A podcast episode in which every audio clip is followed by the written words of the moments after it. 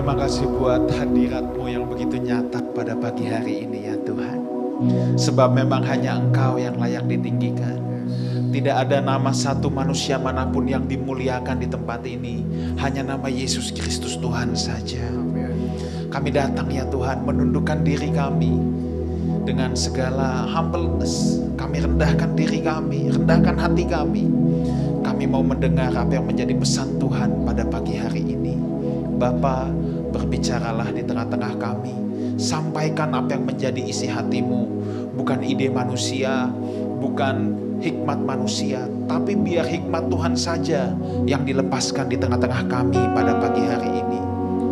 Terima kasih Bapa, kami mau buka hati kami untuk kebenaran firman-Mu supaya hati kami boleh seperti tanah yang subur sehingga ketika benih kebenaran firman Tuhan ditaburkan firman-Mu dapat berbuah lebat dalam hidup kami dan berikan kami juga kuasa untuk melakukannya.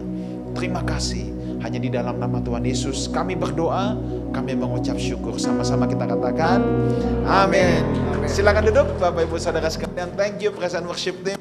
Saya percaya kita semua di Saudara pada pagi hari ini siapkan hati kita, catatan saudara, siapkan Alkitab saudara. Uh, tanpa panjang lebar, Pastor Rubin Ong akan menyampaikan kebenaran firman Tuhan. Please welcome Pastor Rubin Ong.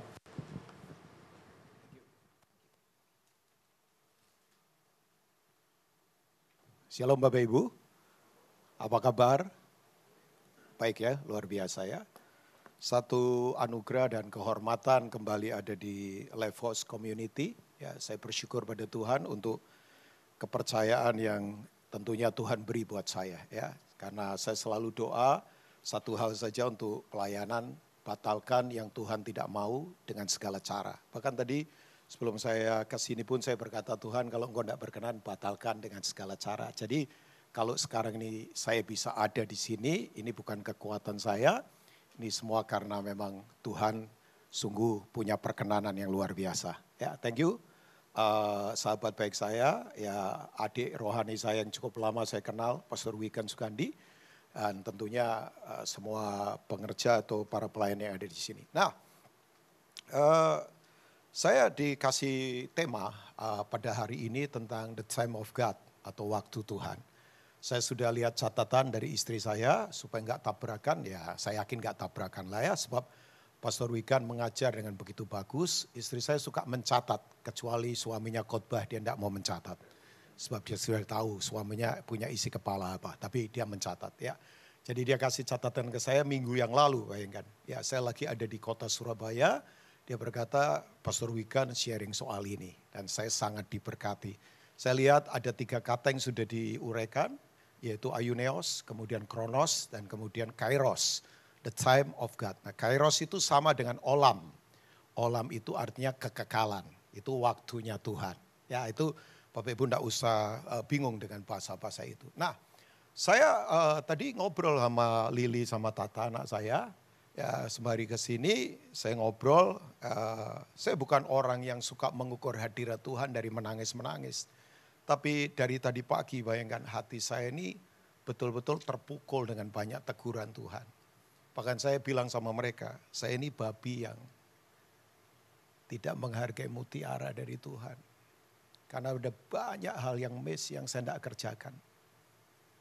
Ya, saya berkata sama mereka. Ya, Oh ya ya. Banyak hal berharga yang Tuhan berikan tapi kita lewati itu. Sebab kita lebih sibuk dengan keinginan kita, dengan kehidupan kita. Oh ya, saya babi yang kehilangan banyak mutiara dalam kehidupan. Makanya ke depan saya tidak akan mau mengulang lagi hal-hal yang sama. Ya, saya lebih berpikir eh, hal-hal uh, yang coba Tuhan mau sodorkan untuk apa yang saya kerjakan. Nah, saya punya pertanyaan ada dua saja Bapak Ibu semua. Yang pertama begini, selama kita di bumi dengan waktu kita, kan begini, dalam hidup yang penting adalah kehidupan itu sendiri. Ya dong, buat apa kaya tapi kalau mati. Saya kalau bilang mati bukan soal mati fisik, tapi mati sukacita. Kan sekarang orang sukacita susah didapat. Ya sampai beberapa orang harus kumpul bersama, undang pelawak, baru dia ketawa. Itu pun pelawaknya harus banyak berdoa Sebab kalau dia tidak bikin ketawa, bisa ditembak sama yang ngundang. Apalagi yang ngundang punya pistol. Oh iyalah. Masih ingat gak Robin Williams diutus George Bush pergi ke Middle East. Waktu itu adalah perang teluk pertama untuk menghibur para tentara Amerika yang stresnya luar biasa menghadapi perang teluk. Sebab sewaktu-waktu ya tiba-tiba ranjau meledak, ya, mereka biasanya di kota LA, Dallas, kemudian mana lagi Michigan yang enak-enak semua harus di, di harus ada di padang gurun bayangkan. Coba Ya mereka kemudian wah stres banget itu. Ya stressful itu. Ya, tapi apa yang terjadi? Robin Williams diundang untuk stand up komedi di tengah ribuan tentara Amerika yang stres. Saya yakin itu Robin Williams stres juga. Sebab kalau dia tidak bikin lucu, wah bisa saja tiba-tiba ditembak oleh tentara, dar mati kan. Tapi yang luar biasa memang orang ini legend kan. Wih ribuan tentara Amerika tertawa terbahak-bahak untuk sekian puluh menit melupakan semua stres, tekanan. Ya, ya suatu-waktu mereka bisa mati kapan saja. Tapi kemudian saya sadar, oh ya ya. Nah, saya kemudian berkata begini buat kita semua. Ada dua pertanyaan yang coba kita renungkan. Dalam kehidupan ini yang penting adalah kehidupan itu sendiri. Dan kehidupan itu datangnya disertai waktu. Ya, atas dasar ide pemikiran inilah perenungan saya ini saya akan coba sampaikan tentang waktu. Karena waktu itu memang punya nilai intristik. Intristik itu begini, waktu kalau kita pakai pasti berlalu. Pakai apa saja. Saudara mau pakai untuk bisnis, saudara pakai untuk olahraga, saudara pakai untuk hangout dengan teman-teman, saudara pakai nonton film, saudara mau pakai untuk makan, kuliner, pergi, liburan, ya apa saja. Tapi waktu itu dipakai pasti berlalu. Ya dong. Tapi waktu memang kalau disia-siakan pasti tragedi dalam kehidupan. Ya, saya duduk dengan satu orang, dia cerita begini. Dia punya om, omnya ada di rumah sakit jiwa. Sudah hampir 35 tahun tetap gila dan gak sembuh-sembuh. Ternyata rumah sakit jiwa tidak menyembuhkan orang. Oh ya, yang menyembuhkan orang cuma satu, kuasa Tuhan yang menjamah orang itu. Ya kan? Coba, uh, teori berkata orang sakit jiwa itu udah parah katanya kayak gelas pecah. Jadi kalau disambung walaupun lemnya bagus, nanti tekanan suhu panas tertentu bisa retak lagi. Ya itu terserah teori psikologi. Tapi saya ketemu orang namanya Johan di Samarinda, bayangkan. Dia punya jemaat gak banyak, kira-kira 300 orang, tapi gila semua. Asli, dia ambilin di jalan-jalan. Itu seperti Adam yang belum jatuh ke dalam dosa, karena gak pakai pakaian. Oh iya, iya. Dia rawat bayangkan, tanpa tanpa jeruji besi, tanpa pukul-pukul makan bersama, tidur bersama dengan anak-anaknya.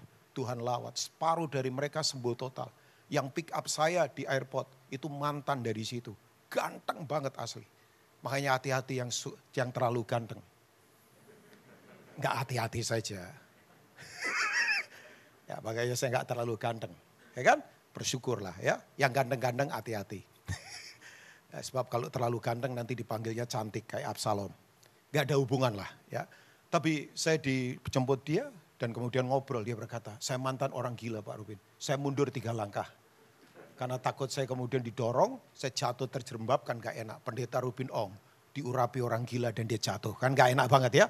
Tapi bayangkan, nikah sama mantan di situ juga punya anak loh. Gak pakai obat. Ya saya tanya bagaimana caranya? Penerimaan.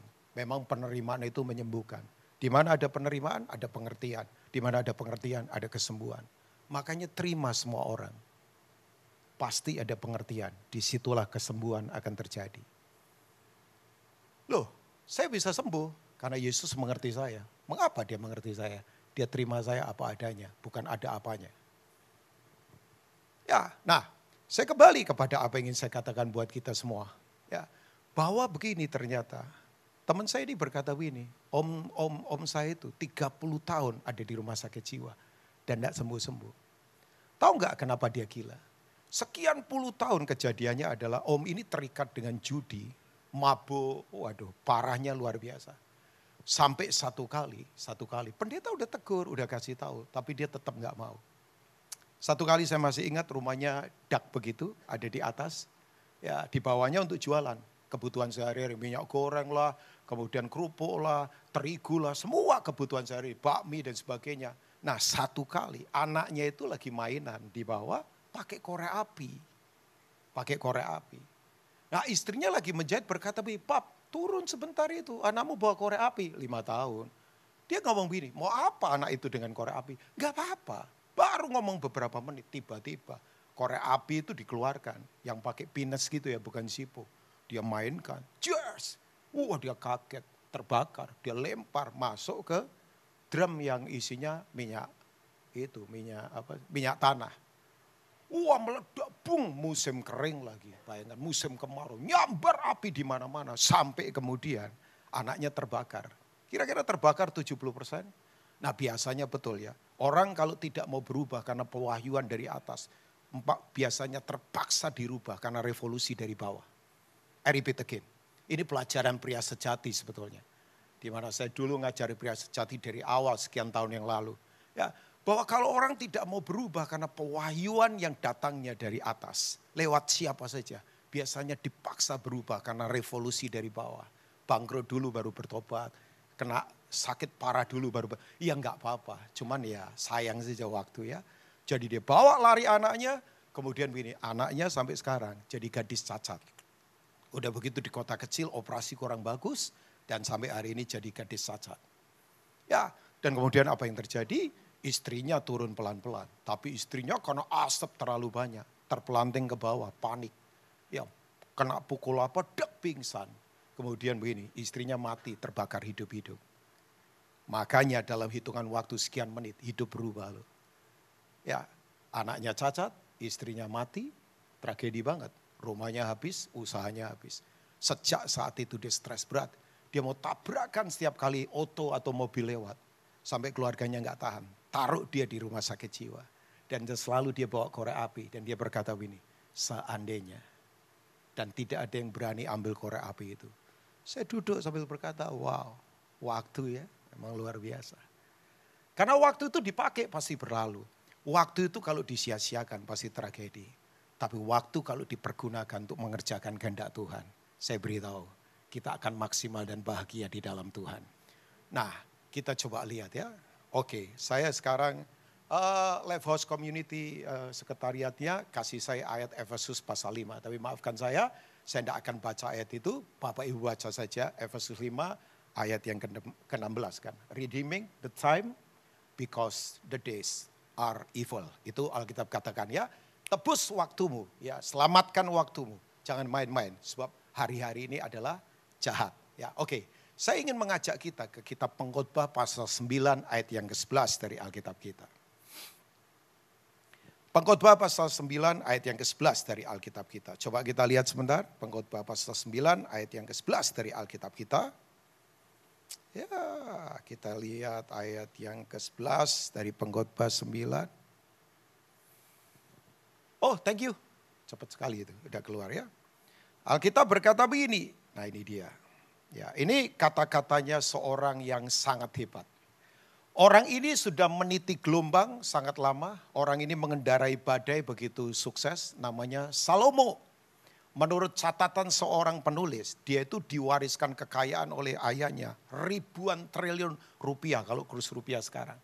Dia membangun First Temple itu total semuanya itu ada kira-kira kira-kira hampir 1700 triliun. APBN Indonesia waktu Pak Jokowi memerintah pertama itu kira-kira 1.300 triliun. Ini 1.700 triliun bayangkan. Karena semuanya emas. Saya yakin Pak Surwi kan jago lah mengajar soal ini ya. Apalagi ini kan kalau bicara soal PL ya mungkin Bang Ruli kali lebih jago juga ya. Perjanjian lama abang uh, pasti jago mengajar ini. Bayangkan ini luar biasa Bapak Ibu semua. Kemudian Bini mau ngomong apa? Very smart? Oh sangat. Sangat pintar. Sangat-sangat pintar. Sampai saudara sepupu kita bilang bahwa dia bisa bicara sama cecak, sama yang lain. Itu untuk memberitahu bahwa dia pintarnya luar biasa. Ya ngomong istri, wih istrinya banyak. Istrinya itu total berapa? Total berapa dengan selirnya? Seribu. Ya, yang lulus sekolah minggu pasti tahu lah ya. Cuman jangan mikir itunya loh. Kadang-kala ingat pelajaran sekolah minggu, ingat istri banyak saja ya. Makanya banyak orang kemudian berpikirnya ke sana. Ya, seribu itu istri resmi 300, selirnya 700. Mau gaya apa saja, potongan rambut, warna kulit semua punya.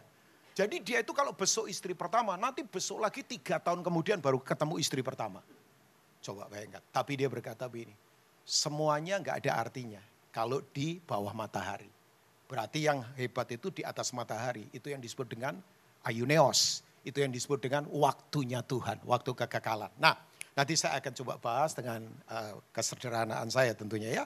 Dan ayat 11 berkata begini, lagi aku melihat di bawah matahari Ya, berarti ini semua budaya, semua bangsa, semua suku, semua apa? Semua tradisi di bawah matahari kan dengan banyak suku, banyak budaya nah, di bawah matahari itu artinya waktu uh, kronos. Ya, saya yakin Pastor Wikan sudah sampaikan itu kronos itu memang waktu terbatas. Kita nggak bisa beat the clock. Kita nggak bisa melawan waktu, bayangkan. Mau dari orang biasa sampai orang hebat. Waktunya sama 24 jam sehari, 7 hari dalam seminggu, Kemudian ya setahun Bapak Ibu bisa lihat ya 300 setahun berapa sih kok jadi lupakan. Yos 365 ya memang pedagang langsung hitung matematikanya jago ya. Makanya saya tanya Yosua. Ya itu. Jadi kita kita terbatas bayangkan. Saudara terlambat sedikit. Oh iya iya. Saya masih ingat tabrakan di Cipularang. Saya ada di arah berlawanan. Itu yang meninggal banyak. Sampai ada orang Korea segala. Masih ingat gak sekian tahun yang lalu tabrakan beruntun di Cipularang KM 90 berapa itu sampai dikeramatkan itu tikungan itu kan. Karena jalan menurun ada remblong. Wih itu tabrakan bermeter-meter, macetnya berkilo-kilo. Hujan lagi, kabut lagi. Saya ada di seberang jalan. Jadi saya ke arah Bandung, ini tabrakannya ke arah Jakarta. Wah yang meninggal banyak. Orang berkomentar macam-macam. Saya udah ngomong, Pak, udah memang orang nyinyir itu paling gampang sih di lokasinya gak mudah. Itu cara nolongnya gak gampang. Mau pakai cara apa? Helikopter terbang kabut, kemudian wih, macetnya luar biasa. Dan ada beberapa orang yang sebetulnya belum mati. Begitu lihat temannya mati karena dia sekarat, ya udah aku ikut mati. Karena sebetulnya belum mati, tapi memang terlambat menolong, ya udah. Kan gak cuman keluar darah, tekanan psikologinya kan. Coba, berapa banyak orang di luar isolasi waktu Delta varian. Itu sebetulnya banyak orang yang Begitu dijajar di situ beberapa kiri kanan pada mati, ya sudah putus asa itu paling bahaya. Dan saya tahu begini, kita tidak bisa, kita memang nggak nggak bisa bideklo. Nggak bisa Bapak Ibu. Dan sorry ya, uang kita nggak bisa bayar waktu. Ya, kalian kita nggak bisa Bapak Ibu. Kita memang terkurung dengan waktu yang terbatas. Kayak karena kejatuhan, Ya, kita tidak ada lagi di waktu kekekalan, tapi puji Tuhan kan Tuhan tebus kita. Makanya kita berbeda kalau kita mengerti waktu Tuhan. Nah, oke. Okay. Nah, ini dia. Lagi aku melihat di bawah matahari, ya. Bahwa kemenangan perlombaan bukan untuk yang apa? Cepat. Nah, ini Usain Bolt kalau dengar ini ya agak putus asa sebetulnya dia. Agak ada hubungan lah. Dia kan memang pelari sprint yang luar biasa ya. 100 meter dia legend Ya, setiap kali lari dia narik nafas cuma dua kali. Paling banter tiga kali. Gak boleh lebih dari itu. Itu pengek namanya. Oh iya, pelari cepat begitu harus narik nafas selama 100 meter itu cuma dua kali atau tiga kali paling maksimal. Kalau maraton nggak boleh, mesti harus satu nafas. Nah kita ini para pelari maraton karena panjang. Ya oke, okay. saya tidak akan bahas soal itu. Uh, dan keunggulan perjuangan bukan untuk yang apa? Kuat. Juga roti bukan untuk yang apa? Berhikmat. Nah ini dia. Kekayaan bukan untuk orang yang cerdas. Dan karunia bukan untuk yang cerdik cendekia. Mari baca sama-sama jemaat Levos yang diberkati 23. Karena waktu dan nasib dialami mereka semua. Sayang pakai kata nasib ya. Padahal dalam Tuhan gak ada nasib-nasiban. Ya, takdir gak ada. Takdir memang kejam, kadir memang lucu. Ya, kayak kadir pelawak maksudnya ya. Gak, gak ada takdir-takdiran. Semua ya dan amin. Kata yang dipakai kan waktu dan peluang. Time and chance. Yang dipakai. Kalau saudara lihat terjemahnya King James atau bahasa Inggris yang lain, dipakai kata itu peluang. Nah ini sebetulnya yang disebut dengan kata karah. Dalam bahasa asli karah. Q-A-R-A-H. Karah. Katakan karah umat Tuhan. Bapak Ibu tahu karah itu begini. Karah itu adalah kejadian yang tepat di waktu Tuhan. Asli saya ini orang bodoh sekali. Asli saya ini dulu pikir saya nggak jadi orang walaupun sudah orang.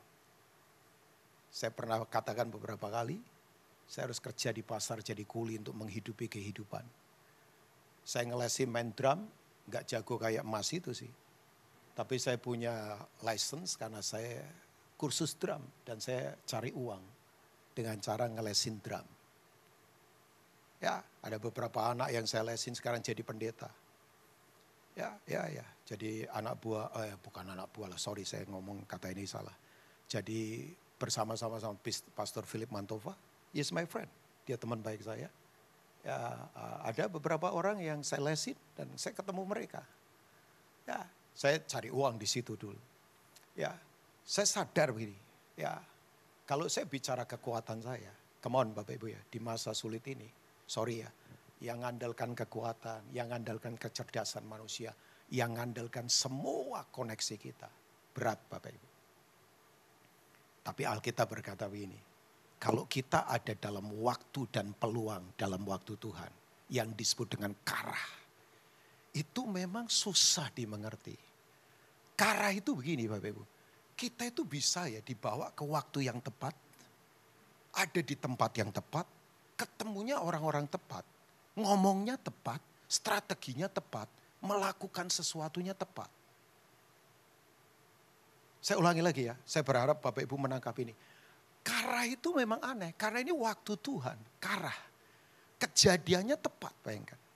Saya kalau tengok hidup saya, aneh kan.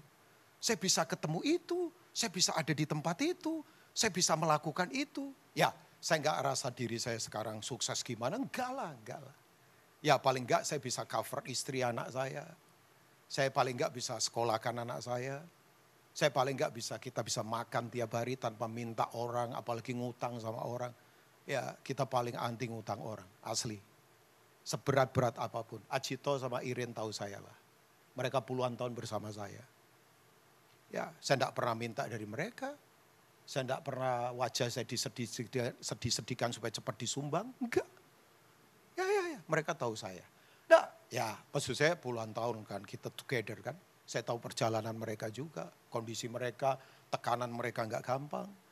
Tapi coba, makanya kita ini ya kalau ada di waktu yang tepat, di tempat yang tepat, berjumpanya dengan orang-orang tepat, ngomongnya itu bisa tepat, nggak salah ngomong, strateginya tepat, melakukan sesuatunya tepat. Nah itu Tuhan sendiri yang bikin. Ya, itu bukan usaha kita Bapak Ibu. Kan tadi Salomo sekali lagi ya. Ini kalau yang bilang ayat ini Rubin Ong, Bapak Ibu jangan percaya. Salomo he. Nem, kamu jangan ketawa begitu mengecek kakakmu itu. ya kan? Nah maksudnya kalau saya ngomong, kamu jangan percaya. Ini Salomo he. Kan tadi saya sudah katakan, dia ada di puncak prestasi kehidupan. Dia sudah meniti semua gelombang, dia mengendarai semua badai. Dia sukses banget. Coba ngomong mau ngomong kekayaan, bayangkan the first temple dia yang bikin 1.700 triliun kalau kurs rupiah sekarang dengan nilai nominal dolar per dolar sekarang berapa? 15 ribu kah? Saudara hitung sendiri, coba. Pinter luar biasa. Ya, seminar motivasi pertama paling sukses di dunia adalah Salomo. Seluruh dunia datang untuk nimba ilmu di dia. Sampai Ratu Sheba itu ratu terkenal dari selatan. Terkagum-kagum dengan kepintarannya Salomo. Ya, mau ngomong apa lagi coba? Semua hal luar biasa. Makanya hari ini kan euforianya orang Yahudi mengembalikan kejayaan itu. Mereka punya konsep, uh, konsep harapan mesianik itu selalu adalah lahiria. Di mana Israel diluking.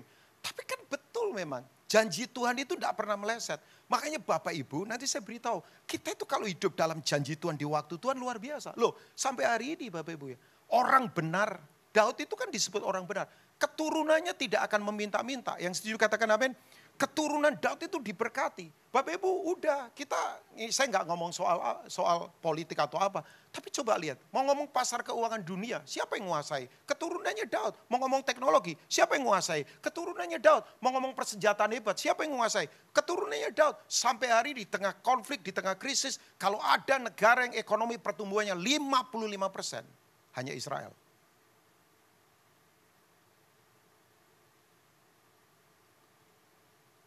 Kok tatapannya begitu sama saya? Oh ya, ya, ya. Enggak maksudnya janji Tuhan itu tidak mungkin tidak ditepati. Pasti ditepati. Yang setuju katakan amin. Dan kita kan secara rohani keturunannya Daud. Ya. Saya kalau diam itu lagi mikir mau ngomong apa lagi sebetulnya. Karena tidak pintar ngomong sebetulnya saya ini. Ya coba. Tapi memang karah ini luar biasa. Mau pakai upaya kita capek Bapak Ibu. Saya tahu ada beberapa yang datang sedang capek sekarang. Capek. Kalau kita nggak ada di waktu yang tepat, di tempat yang tepat, mengerjakan yang tepat, berkata yang tepat, dengan strategi yang tepat, ketemu orang-orang yang tepat. Kita kalau nggak ketemu orang yang tepat, ditipu kita. Hati-hati dalam berbisnis. Ular beludaknya banyak sekarang. Kita kalau nggak ada di waktu yang tepat, kehilangan momentum, selesai kita. Kita kalau nggak berkata yang tepat, bisa meleset bayangkan. Kita kalau nggak punya hikmat strategi yang tepat, keputusan yang tepat. Waduh, yang kita bangun hancur semua. Dan saudara jangan bangga dengan pengalaman masa lalu. Karena pengalaman bisa berjadi berhala. Karena menganggap opini paling benar. Pak pengacara. Dia udah melihatin saya dengan cara yang seriusnya luar biasa. Ya saya tahu setelah ini kita diskusi kayaknya. Ya, nah, Pak Suranta, dia lihatin saya, wah serius ini Pak Rubin. Padahal saya nggak terlalu serius loh hari ini. Ya, ya beliau sama saya suka diskusi. Diskusi yang liar tapi kudus kan. Daripada jaim tapi najis kan. Ya kita suka diskusi aja ngobrol-ngobrol banyak. Oke, kapan kata karah pertama kali muncul? Ada orang dari Sinear, Mesopotamia, yang tadinya penyembah berhala, namanya Abram, bapak yang tinggi. Dengar suara Tuhan, jadi Abraham, bapak segala bangsa. Kekayaannya melimpah. Orang ini dituntun oleh karah. Tuhan suruh pergi, dia nggak tahu tempat dia pergi. Tapi dia taati. Dan yang hebat ini, baca sepanjang Alkitab. Ini patrianya Israel. Selalu dia tepat di waktu Tuhan. Selalu dia tepat di posisi yang tepat. Selalu tepat. Kadangkala diambil keputusan yang salah. Tuhan langsung tarik supaya dikembalikan lagi ke tempat yang tepat. Ya, tapi orang ini satu kali mau mati. Anaknya cuma satu. Yang jadi anak perjanjian loh. Kalau satu kan bukan anak perjanjian. Anaknya mau dicarikan itu tuh apa calon istri. Nah, kita tahu ceritanya ya. Tapi saya akan baca nanti kejadian 24. Dia utus bujangnya. Kalau nggak salah namanya siapa ya? Eliezer ya. Betul ya? Eliezer ya. Ah, lupa-lupa kadang kala. Oh ya Eliezer, dia suruh. Dia berkata begini, sumpah ya kamu ya, jangan bawa Ishak kembali ke negeri nenek moyangku di Aram Mesopotamia. Kalau sekarang di sekitar Irak sana. Ya kalau Bapak Ibu tahu Mesopotamia itu berarti Babilonia dulu di sekitar situ, di tanah Sinear. Makanya Saddam Hussein berkata, saya ini keturunan Nebukadnezar. Mau kembalikan lagi kejayaan Babilonia. Kita tahu ya, dia punya statement begitu. Nah Bapak Ibu, Begitu kemudian pergi. Waduh, bingung ini Eliezer. Bingung lah. Ada yang dari kita yang sekarang lagi bingung? Yos, kamu bingung nggak cari jodoh? Bingung ya? Yang jomblo-jomblo bingung nggak? Bingung. ya, coba bingung. Ya, yang bisnis bisnisman lagi bingung nggak sekarang? Ya, nggak usah jawab wajah saudara udah ketahuan. Ya, ya, oh iya, ya. Kita semua kalau tidak dapat arahan dari Tuhan, kita bingung. Saudara tahu nggak? Begitu nyampe ke Aram Mesopotamia, perkataan dari Eliezer ini karah. Saudara jangan main-main dengan waktu Tuhan ini. Kita ini kalau ketemu waktu Tuhan, udah nggak main upaya kita, Pak capek Pak. Pokoknya saya ingatkan yang tanda orang capek itu biasanya terburu-buru, marah-marah dan kehilangan damai sejahtera. Para bisnismen di sini atau siapa profesional, kalau saudara udah mulai marah-marah, terburu-buru dan kehilangan damai, please saran saya satu, retreat saja dulu. Menyendiri saja dulu. Itu berarti udah upaya kita. Dan kekristenan kalau begitu nggak sehat. Saya tadi bilang sama Pastor Wikan, saya itu kalau ketemu komunal ya, bisa lepas, bisa ketawa, paling enjoy Kan gak enak kita pelayanan tertekan, tegang, ya trik-trik, intriknya banyak, saling tipu, saling sikut kiri kanan. Saya bilang keluar saja. Oh iya, saya udah tegas kalau begitu. Pemimpin pujian bayangkan datang ke saya, dekat sama Kak Rubin, kita mau memimpin pujian, lagu saja diatur. Ada beberapa di situ yang ngatur-ngatur lagu, kalau mereka nggak suka, nggak boleh nyanyi. Padahal kita sudah doa lagunya ini. Saya bilang keluar dari sana, keluar. Kamu kalau nggak feel free lagi pelayanan, mau apa coba? Gereja kan keluarga. Yang setuju katakan amin. Saya nggak mau di sini dianggap orang asing. Oh saya nggak cari uang kok. Asli, Pastor Wikan tahu lah.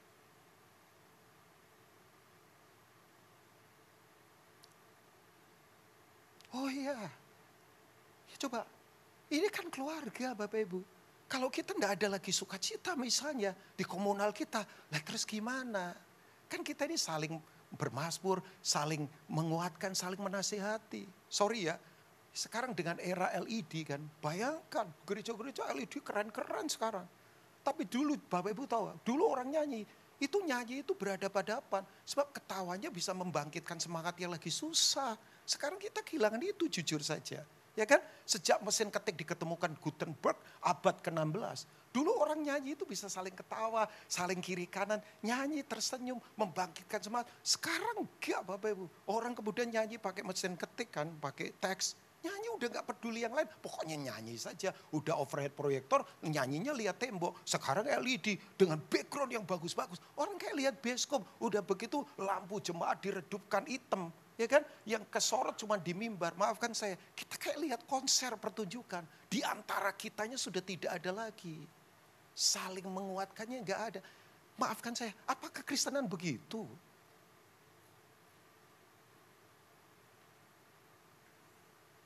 Coba, coba. Saya paling enjoy kalau ketemu komunal saya. Saling menghargai, saling mengasihi. Gak ada trik-trik politik, gak ada kepentingan manusia. Gak ke gereja untuk cari koneksi bisnis. Enggak, kita saling menguatkan, saling membangun. Bayangkan, saya, saya jujur aja kita gak tahu kan orang di sebelah kita lagi susah. Orang di sebelah kita besok mungkin keluarganya operasi apa. Makanya saya tanya sama Wigan, eh mami gimana mami mertua? Pertama yang saya tanya adalah, saya harus khotbah apa? Enggak. Saya tanya itu tadi. Tidak tahu Wikan peka atau tidak.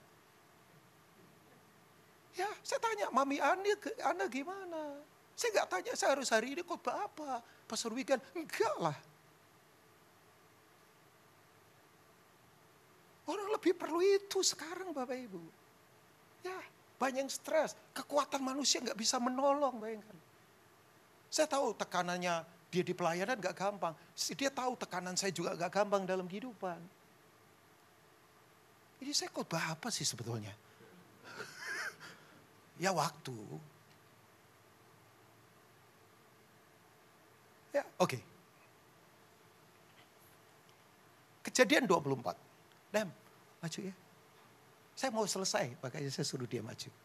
Sebab kalau saya nggak maju, eh nggak suruh maju, nanti semua maju itu saya diusir dari mimbar. Makanya saya suruh maju dulu. Jos, kita puluhan tahun udah pelayanan jadi tahu begitu-begitu. Tapi kan ini asik ya, ibadah sekali aja kan. Ya habis ini kan udah kita makan bersama-sama, bayar sendiri-sendiri kan. Ya kan kita velos. Yang penting fellowshipnya nanti di luar sana. Itu ibadah yang sejati. Sudah saling ngobrol, saling menguatkan. Eh ada enggak yang perlu saya doakan? Itu gereja. Yuk hargai waktu ini Bapak Ibu. Saling menguatkan. Kekekalan itu apa sih? Jangan berpikir nanti masuk surga. Bapak Ibu tahu kekekalan itu adalah sifat-sifat Allah yang ditaruh di dalam kita. Apa sifat Allah? Rendah hati. Apa sifat Allah? Mengutamakan yang lain lebih dari diri sendiri. Apa sifat Allah? Holiness, kekudusan. Apa sifat Allah? Berkorban. Nah itu kekekalan. Orang pikir kekekalan cuma surga terus sih. Makanya sering kali keselamatan jadi tujuan. Pada keselamatan awal untuk kita melakukan sesuatu. Orang sukanya surga terus. Surga memang paling enak dijual sih. Dan paling gampang dapatkan sesuatu dari jualan surga.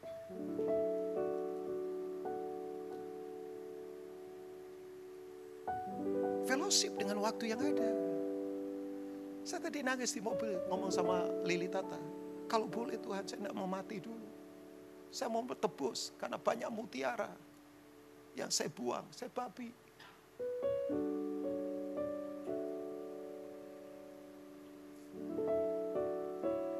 Yuk ada di Karah Bapak.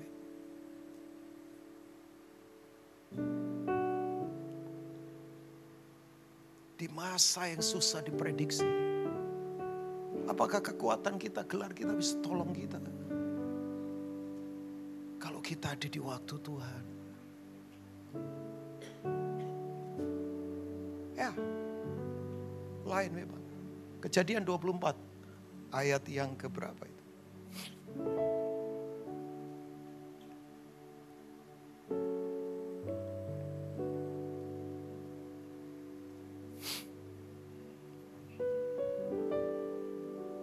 12. Ini perempuan banyak.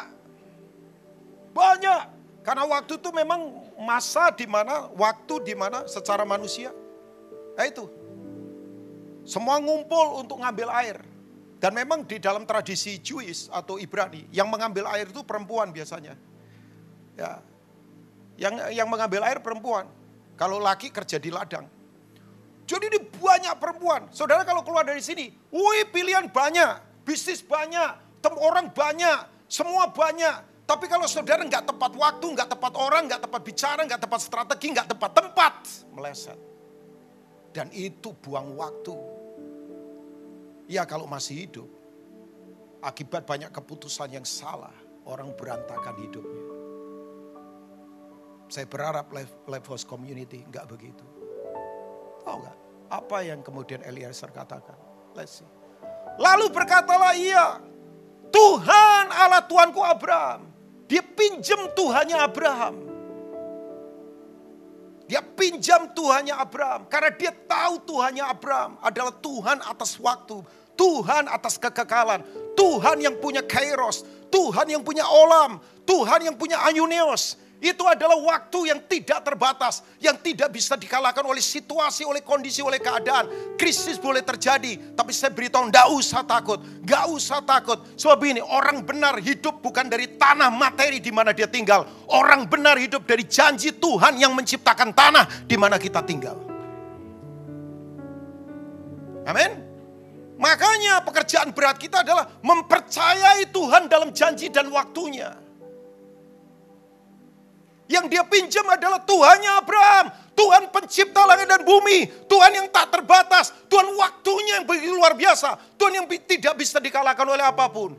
Buatlah kiranya tercapai tujuanku pada hari ini. Ini ini kronos. Ini waktu manusia, kronos. Tadi saya sudah katakan, kronos terbatas. Kronos itu masa lalu, kronos itu masa sekarang, kronos itu masa depan. Dan kita terkurung di situ, terlambat sedikit, kita miss. Makanya beberapa banyak orang yang mati karena terlambat ditolong. Oh ya, kena heart attack, terlambat ditolong, lewat. Kena apa, kecelakaan, terlambat ditolong, lewat. Dan semua terbatas, bayangkan. Makanya saya kalau mikir ini, apa yang kita mau banggakan? Koneksikah, gelarkah, kelarian kita, uang kita, nothing semua itu. Kalau kita tidak ada di waktu Tuhan, semua berantakan. Tunjukkanlah kasih setiamu kepada Tuanku Abraham. Ketemunya Ribkah. Makanya tadi saya bilang, yang jomblo-jomblo, doanya seperti ini. Dan Bapak Ibu tahu nggak, Ribkah itu bukan cuma cantik, tapi itu tadi, cantik di dalamnya. Dia tuh nimba, bukan hanya untuk utusannya Abraham. Seonta-ontanya ditimbang air. Itu onta itu sekali minum puluhan liter. Kalau dia bawa sekian, sekian puluh onta, ya ampun. Itu kan ngejim mendadak Bapak Ibu. Itu karakter itu. Makanya nikahlah karena karakter. Bukan soal cantik. Inner beauty itu penting. Ini resep buat yang nikah-nikah, yang sudah terlambat ya nikmatilah. Ya kan? Kan katanya ada engagement ring, kemudian ada wedding ring, ada pasang ring katanya. Ah itu kalau salah. Ya kan? Ibu Ella ketawa saya kan. Gak ingat siapa, ingat teman atau siapa atau yang ketawa ingat. Saya tiba-tiba ingat teman saya juga karena salah keputusan. Jadi itu stres terus jadi pasang ring sekarang. Ya kan? Kan ada tiga ring katanya ya. Cincin ya, engagement ring, kemudian wedding ring, kemudian ya salah ya bisa pasang ring. Karena tertekan depresi. ya untung kita punya istri-istri baik-baik semua ya. Ya kan? Semua di sini. Kok nggak ada yang amin cowok-cowok kayaknya di sini ya? Semua istri kita baik-baik lah ya. Oke. Kalau pas masanya baik gitu aja kan. Ya baik-baik lah. Oke. Nah begini. Sekarang pertanyaan saya. Saya sudah selesai. Bapak Ibu mau hidup dalam waktu Tuhan? Yang setuju katakan amin. Bapak Ibu tahu bagaimana sih caranya untuk kita hidup dalam karah waktu Tuhan. Ya saya waktu lihat catatannya Pastor Wigan, ini sudah disebut sebetulnya. Tapi saya coba ingin sedikit dalam aja ya. Maksudnya bukan saya lebih dalam. Pastor Wigan bagus banget angle-nya. Saya pelajari, oh iya bagus sekali. Dan saya diberkati. Saya coba akan ulang sedikit Bapak Ibu ya. Karena itu ternyata yang pertama untuk kita temu, ketemukan waktu Tuhan. Itu kita itu tidak boleh memang keraskan hati kita pada saat Tuhan bersuara lewat siapa saja. Ya, jangan keraskan hati kita. Dan itu keputusan kita. Ya, coba kita lihat Ibrani pasal yang keempat. Ibrani pasal yang keempat.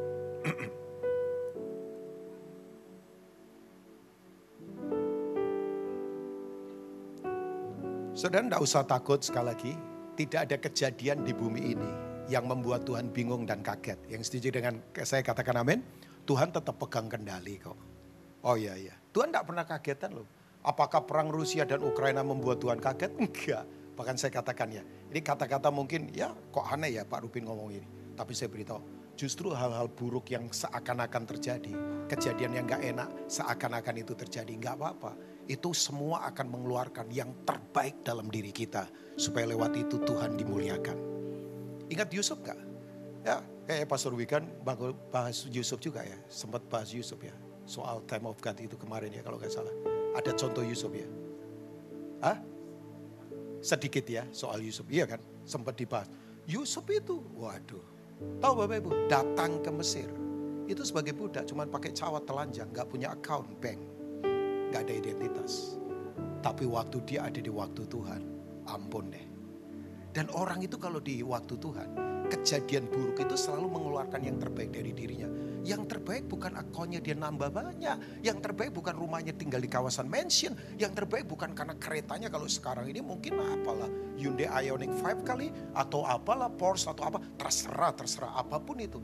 Bukan, bukan yang terbaik apa? Karakternya kuat. Sebab begini, waktu dia ketemu saudara-saudaranya. Bapak Ibu tahu nggak kejadian buruk biasanya membuat orang jadi pahit. Apalagi melukai orang di sekelilingnya kan. Coba, makanya saya tuh ya kalau gak ada masalah, saya selalu tanya, kok gak ada persoalan ya? Ini saya sedang sedang diurapi atau tidak? Sebab orang itu kalau diurapi, itu selalu berjalan pada tempat di mana dia akan diserang dalam semua sisi. Tujuannya mengeluarkan semua yang terbaik. Makanya kalau hidup nyaman-nyaman saja, itu pembunuh iman paling luar biasa. Betul, pembunuh iman ada dua. Yang pertama kenyamanan, yang kedua adalah kekecewaan. Orang kalau kecewa imannya mati, orang kalau nyaman imannya mati. Saya tuh kalau gak ada persoalan, saya malah kaget, curiga. Tuhan ini kenapa kok nggak ada persoalan. Karena semua membentuk mengeluarkan terbaik dalam diri saya. Ah ini sosokan ini pendeta. Enggak asli. Tahu nggak Yusuf Bapak Ibu? Begitu saudara-saudara ketakutan, dia ngomong begini, jangan takut. Dia jadi penghibur. Semua yang terjadi itu bukan karena kalian.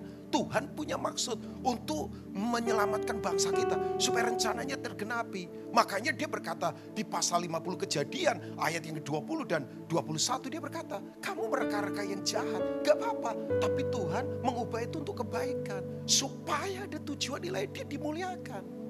Orang itu kalau ada di karah Bapak semua kejadian buruk apa pun secara waktu kronos, waktu manusia, krisiskah, perangkah, kejadian-kejadian pandemika, kejadian apa saja, apa saja, sebutkan saudara, sebutkan saudara, apa saja, itu tidak akan membuat dia goncang. Tuhan tidak pernah panik. Yang saya tahu begini, saudara tidak usah takut dengan krisis. Takutlah kalau Tuhan goncang. Tidak usah takut kalau dunia ini goncang. Takutlah kalau Tuhan goncang. Tapi sepanjang saya jadi Kristen, saya beritahu Tuhan tidak pernah tergoncangkan sampai kapan pun.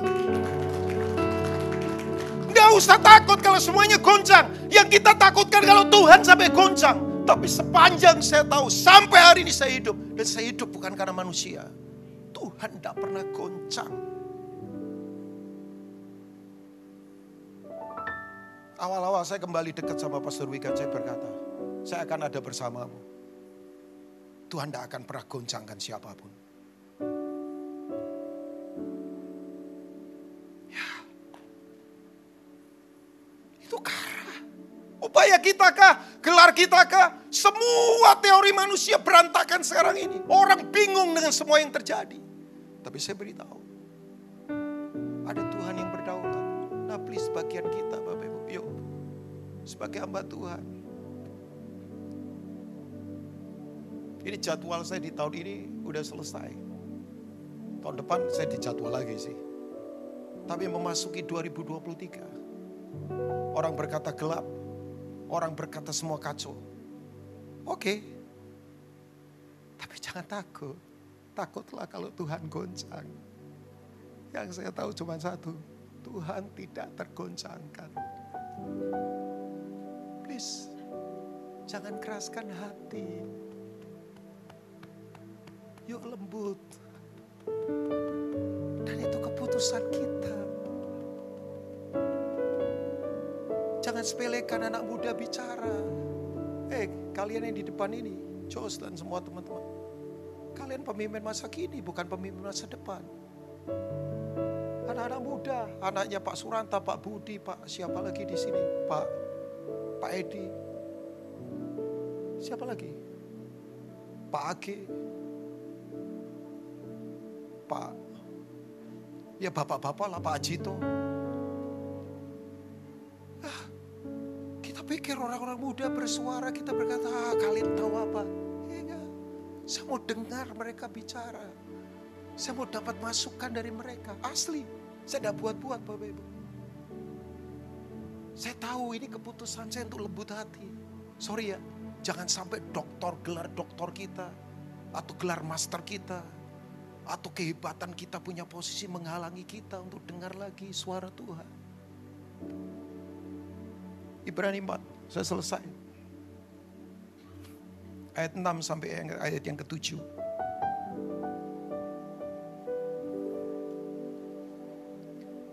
Jadi sudah jelas bahwa ada sejumlah orang akan masuk ke tempat perhentian itu. Ya, ini tempat di mana Tuhan sudah menyelesaikan semuanya. Sedangkan mereka yang kepadanya lebih dahulu diberitakan. Waktu manusia, Kronos. Karena Kronos ada masa lalu, masa sekarang, dan masa depan. Diberitakan kabar kesukaan itu tidak masuk karena ketidaktaatan mereka. Jadi ini orang Kristen. Karena sama-sama mendengar berita firman. Kenapa bisa begitu? Apakah karena isu posisi? Apakah karena isu gelar? Apakah karena isu fasilitas? Enggak, Tuhan tidak pernah lihat itu. Makanya belum punya fasilitas jangan sedih. Yang punya fasilitas tidak perlu sombong Bapak Ibu. Yang penting adalah untuk apa hidup ini kan. Kenapa bisa begitu? Ternyata jawabannya di ayat yang ke-7. Sebab itu ia menetapkan pula suatu hari. Yaitu apa? Hari ini hitungan Tuhan selalu harian. This is the day the Lord has made. We will rejoice and be glad in it. Hari ini harinya Tuhan kita bersuka cita karenanya. Pada hari ini kalau kamu mendengar suaranya, jangan keraskan hatimu. Ya kemudian ini, kesusahan sehari cukuplah untuk sehari. Tuhan itu selalu hitungnya harian bukan mingguan. Hari ini Bapak Ibu, waktu yang paling dekat detik, waktu paling dekat lagi menit, paling dekat lagi jam, paling dekat hari. Jadi begini, hari ini, hari ini, hidupi hari ini. Kalau Tuhan bicara, jangan keraskan hatimu. Lewat apa saja, lewat apa yang kita lihat, lewat apa yang kita dengar, lewat siapa saja. Jangan sepelekan orang siapa pun yang bicara kebenaran. Karena kita tidak tahu hari esok apa yang akan terjadi. Gak ada yang bisa drive kita untuk kita bisa melalui hari besok. Kalau kita gak ada di dalam kekuatan Tuhan. Saya sadar. Saya makanya putuskan tiap hari. Seperti hari ini hari selesai dalam hidup saya. Dan saya pulang ke Tuhan. Saya punya mimpi seperti saya akan hidup 100 tahun lagi. Berfirman dengan perantaran Daud seperti dikatakan di atas. Mari baca sama jemaat Levos yang diberkati dua tiga. Pada hari ini, jika kamu mendengar suaranya, janganlah apa?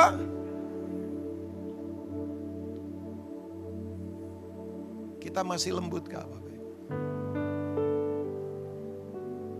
Kita masih lembut gak di dalam?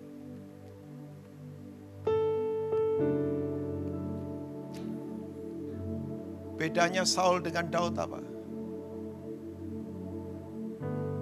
Agak kasar ngomong sedikit gak apa-apa ya. Dua-duanya sama-sama bajingan dan bandit. Kayak saya juga bandit. Oh ya, oh Daud bandit juga. Dia bunuh suami dari istrinya orang. Dia ambil istrinya orang itu. Saul sama juga, ambisius, sombong. Tapi yang membedakan dua orang ini, saya kagum sama Daud. Hatinya itu loh. Ah, Pak Rubin ngomong begitu buktinya mana? Raja as king, monarki sistem, gak ada yang bisa bantah. Mau ambil istrinya siapa saja terserah. Bahkan orang menyerahkan diri. Itu sebuah kehormatan untuk jadi istri raja. Tapi tahu peristiwa? Uria dibunuh, istrinya diambil siapa? Tahu Bapak Ibu? Gak tahu Nathan tiba-tiba muncul. Kalau sekarang kayak pendeta gak terkenal. Gak terkenal. Masuk ke istana. Di wilayah kekuasaan paling sakral.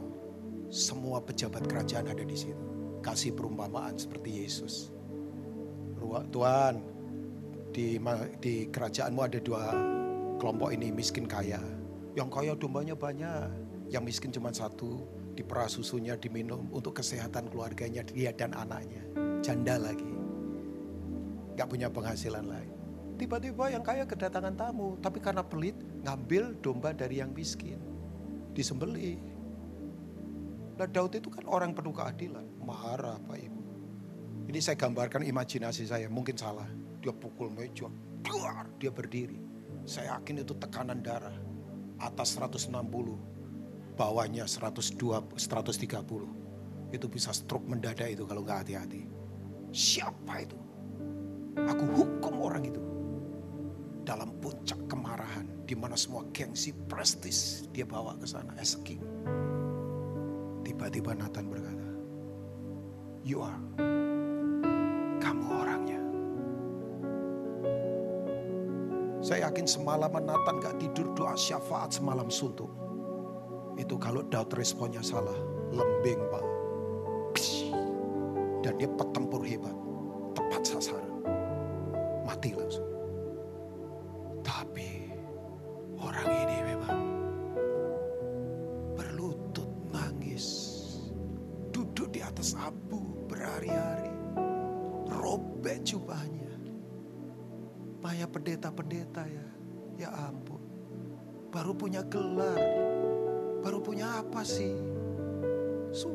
Susah kadang kala ditegur. Keras hati. Rasa surga milik dia. Rasa gak mempan dengan apa pun. Daud tersungkur. Wahai Tuhan berkata di kisah Rasul 13. Aku mendapati Daud. Seorang yang berkenan di hatiku. Gak disebut pinter perangnya. Gak disebut jagoan strateginya. Gak disebut tentang posisinya hebat. Nothing. Jadi karena itu diketemukan orang-orang. Yang memang itu. Kalau dinasihati itu gampang. Gampang berbalik hatinya pada Tuhan. Nah, Tuhan cari orang-orang seperti itu. Dan yang kedua Bapak Ibu, saya tutup dengan ini. Bapak Ibu mau hidup dalam waktu Tuhan? Amin. Saya yakin dari wajah semua mau, saya mau banget.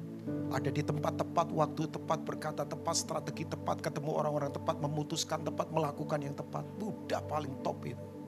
Mau goncang kayak apa pun, nggak penting buat kita. Yang kedua adalah ini. Mata rohani harus selalu diurapi oleh Tuhan. Saya ingatkan Bapak Ibu ya, gereja ini juga, Pastor Wigan maafkan saya sebagai kakak saya beritahu. Tetap gereja ini harus walking in the spirit. Berjalan dalam roh Tuhan. Saya bersyukur tadi WL masih ajak kita menyembah. Walaupun saya nggak main soal hal-hal tradisi agamawi loh. Tapi please, yang spiritual harus dibangun. Kita ini spiritually tapi natural. Kita itu natural, tapi kita naturally tapi spiritual. Kita ini jasmani tapi rohani. Kita ini rohani tapi jasmani. Tapi hiduplah dengan cara-cara rohani, nilai-nilai yang yang berbeda. Kan Tuhan tidak kelihatan. Makanya kita terkoneksi ketika kita kuat melekat dengan roh Tuhan. Tahu Bapak Ibu, Yesus menangis gak banyak di Alkitab. Tapi selalu tangisannya itu untuk lawatan. Tangisannya untuk orang-orang lain. Makanya menangislah pada hal yang Yesus menangis. Jangan menangis pada sesuatu yang Yesus tidak menangis. Banyak orang sekarang menangis untuk sesuatu yang Yesus tidak menangis. Sementara pada sesuatu yang Yesus menangis, dia tidak menangis. Saya ulang lagi, menangislah pada sesuatu yang Yesus menangis. Tidak perlu menangis untuk sesuatu yang Yesus tidak perlu menangis. Tidak usah menangis untuk sesuatu yang Yesus tidak tangisi. Yesus menangis buat orang-orang lain. Yesus menangis buat lawatan. Yesus menangis buat ketidakadilan. Yesus menangis buat kota. Satu kali dia masuk ke Yerusalem. Kota damai. The center of Zion. Tahu Bapak Ibu? Mesias lewat di depan mereka. Mereka menantikan harapan Mesias, Mesianik. Tapi Mesias lewat di depan mereka. Ternyata Bapak Ibu, liturgi agamawi, kesombongan agama mereka membuat mereka tertutup. Mesias lewat di depan mereka. Mereka tidak tahu itu Yesus. Makanya Yesus menangis. Dan dia berkata begini. Coba lihat ayat 41 dari Lukas pasal 19. Saya tutup dengan ini. Sampai 44 setelah ini kita selesai.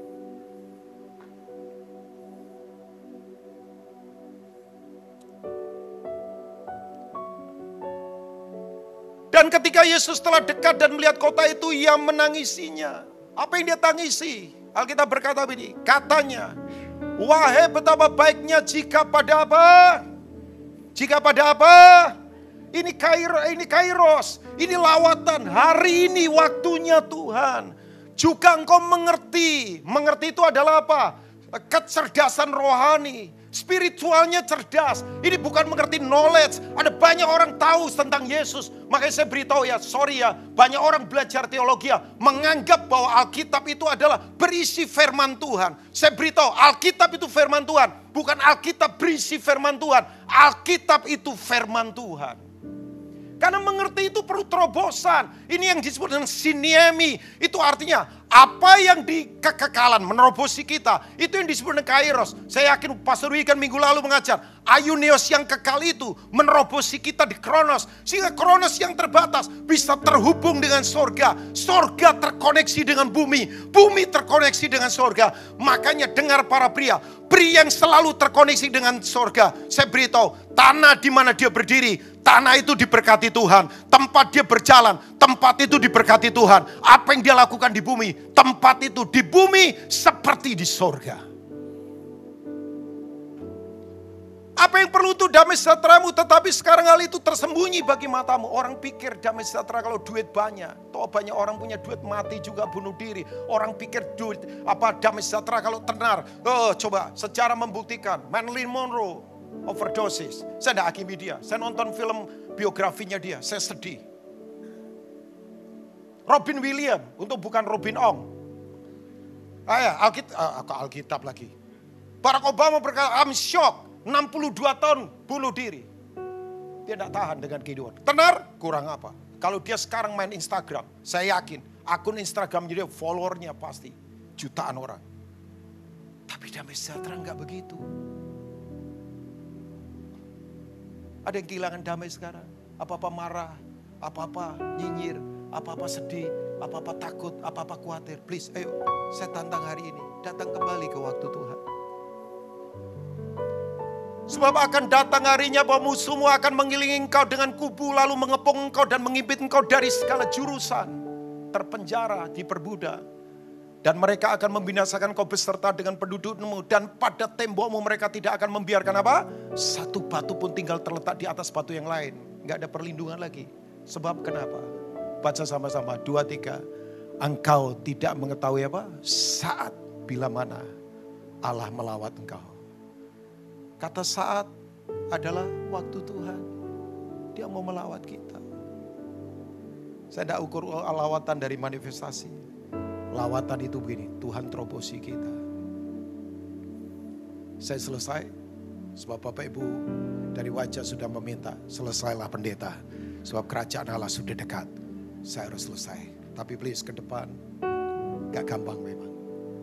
Tapi gak usah takut. Waktu Tuhan selalu bersama dengan kita. God bless you all. Tuhan memberkati.